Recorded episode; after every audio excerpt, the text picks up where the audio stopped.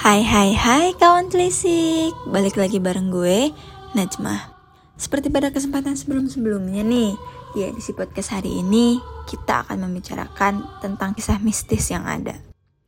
Cerita kali ini datang dan sering terjadi di daerah Jawa Tengah dan juga Jawa Timur Yang mana kedua daerah ini memang terkenal akan kisah magisnya sejak dahulu kala Percayaan masyarakat Jawa tentang kekuatan magis dan kisah mistis memang masih terbilang kental ya kawan telisik. Makanya nggak heran nih jika banyak cerita horor yang tercipta dari sini. Beberapa dari kalian mungkin sudah tidak asing dengan cerita kali ini, yakni Lampor atau hantu keranda terbang. Bagaimana kisahnya?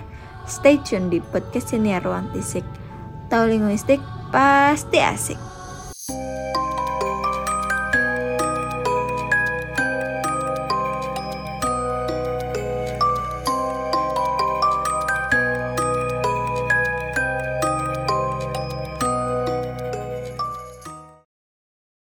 Lampor, kisah horor klasik yang sudah ramai terdengar di Jawa sejak tahun 1960-an.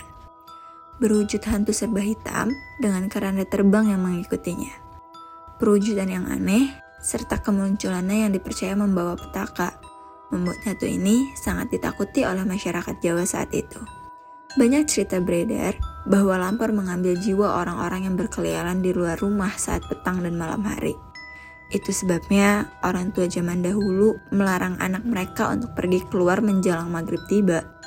Tak hanya itu, Lampor juga dipercaya dapat membunuh orang dalam tidurnya. Kedatangannya ditandai dengan ketukan di pintu rumah diikuti dengan hembusan angin kencang yang menerpa. Dia akan mencekik sang korban atau membawa korbannya dengan keranda.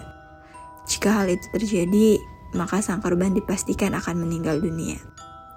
Namun, cerita yang datang dari salah satu narasumber kita kali ini sedikit berbeda. Sebutlah narasumber kali ini bernama Nurul. Dia tinggal di salah satu daerah yang berada di Jawa Tengah. Hari itu, Nurul yang duduk di bangku SMA dikagetkan dengan desas-desus hantu lampor yang sudah banyak memakan korban di desanya. Awalnya, ia tidak begitu percaya akan cerita tersebut. Sampai pada akhirnya, ia menyaksikan tetangganya sendiri menjadi korban. Cindy, siswi SMP yang tinggal tepat di samping rumah Nurul, dinyatakan hilang sejak keluar rumah menjelang maghrib tiba. Saat kejadian menghilangnya Cindy, situasi di desa mereka memang sedikit mencekam. Nurul yang tadinya akan keluar rumah dihentikan oleh ayahnya. Ayahnya berkata, Hawa di luar sedang tidak enak, Du. Wes ndak usah pergi. Nurul pun menuruti perkataan ayahnya tersebut. Dan benar saja, Esok paginya, saat terbangun dari tidur, Nurul mendengar tangisan histeris dari ibu Cindy. Ibu Nurul bercerita kepadanya bahwa Cindy sejak kemarin sore tidak kembali. Tidak ada kabar apa pun yang diberikan oleh Cindy kepada keluarganya. Warga desa berspekulasi bahwa Cindy mungkin sudah menjadi korban dari lampor. Dugaan ini diperkuat dengan alasan bahwa kemarin sore, warga desa Nurul mendengar suara hembusan angin yang kencang sekali mengitari desa mereka. Itu sebabnya hampir semua warga tidak ada yang berani keluar rumah. Mereka tahu betul hembusan angin kencang tersebut menjadi salah satu tanda kemunculan lampor. Keluarga Cindy yang mengetahui fakta tersebut tidak dapat berbuat apa pun kecuali menangisi Cindy. Dengan kabar hilangnya Cindy tersebut, Warga desa pun berbondong-bondong mencari Cindy hari itu. Mereka membuat bunyi-bunyian dengan keras, membakar api unggun, dan memanggil nama Cindy berkali-kali. Cara ini dipercayai oleh warga setempat bisa mengembalikan mereka yang hilang. Sayangnya, lima hari berlalu, Cindy juga ditemukan. Warga desa tak bisa membantu banyak. Mereka berkata pada keluarga Cindy untuk mengikhlaskan putri mereka. Meskipun kesedihan masih menyelimuti, keluarga Cindy berusaha untuk mengikhlaskan anak perempuan mereka tersebut.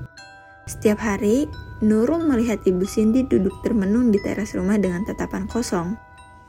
Melihat kondisi tersebut, Nurul merasa kasihan. Namun sekali lagi, dia tidak bisa melakukan apa-apa untuk membantu. Sepuluh hari berlalu sejak Cindy hilang, keajaiban tiba-tiba terjadi. Salah satu warga desa yang saat itu sedang mencari rebung atau tunas bambu di hutan dekat sungai, melihat seorang anak perempuan tergeletak bersandar pada bambu. Setelah didekati, anak perempuan tersebut ternyata adalah Cindy. Ia pun segera menggendong Cindy dan mengantarkannya ke rumah keluarganya. Sepanjang perjalanan, ia berteriak dengan senang dan terharu. Cindy ketemu, Cindy ketemu. Teriakannya tersebut mengundang perhatian warga desa. Mereka pun berbondong-bondong datang ke rumah keluarga Cindy untuk menengok keadaannya. Ibu Cindy menangis bahagia saat anaknya kembali ke pelukan. Ia mengucap terima kasih berkali-kali kepada warga. Namun sayangnya, atas kejadian tersebut, Cindy tidak dapat kembali ke dirinya seperti sedia kala. Saat sadar, Cindy terlihat linglung dan tidak mengenali sekitarnya. Kadang dia akan berteriak secara tiba-tiba sambil berucap ketakutan, Lampor! Lampor! Hilangnya Cindy kala itu membuatnya kehilangan kewarasannya juga. Cindy dinyatakan mengalami gangguan jiwa setelahnya. Bagaimanapun juga, keluarga Cindy tidak mengeluh atas apa yang terjadi terhadap anak mereka. Mereka tetap hidup dengan bahagia, meskipun keadaan Cindy tidak sama seperti sebelumnya. Mereka bersyukur setidaknya Cindy dapat ditemukan dan kembali bersama mereka lagi. Jadi begitulah akhir dari cerita tentang lampor yang pernah disaksikan sendiri oleh narasumber kita kali ini. Berbicara mengenai hal-hal mistis, memang masih pro dan kontra ya kawan telisik. Semua tergantung pada individu masing-masing. Tidak ada yang salah antara memilih untuk percaya maupun tidak. Yang perlu kita garis bawahi adalah hidup di dunia ini kita harus saling menghormati. Karena nyatanya kita memang tidak hidup sendirian di sini. Dalam artian, terlepas dari percaya atau tidaknya kita pada hal mistis, setidaknya kita dapat menghormati sesama dan mempercayainya. Nah, untuk kawan telisik semua, jika penasaran dengan versi lain dari cerita Lampor ini, bisa menyaksikan film garapan Bapak Guntur Suharyanto dengan judul yang sama seperti podcast kali ini, yaitu Lampor, Keranda Terbang. Sampai bertemu lagi di podcast edisi horor selanjutnya.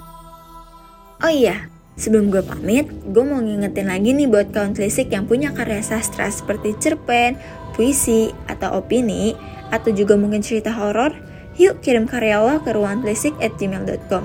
Untuk karya yang kita pilih, nantinya bakalan kita siarin di podcast senior Ruang Telisik ini loh kawan telisik. Ditunggu ya untuk karya-karya hebatnya. Jangan lupa untuk dengerin terus podcast senior Ruang Telisik. Tahu linguistik pasti asik.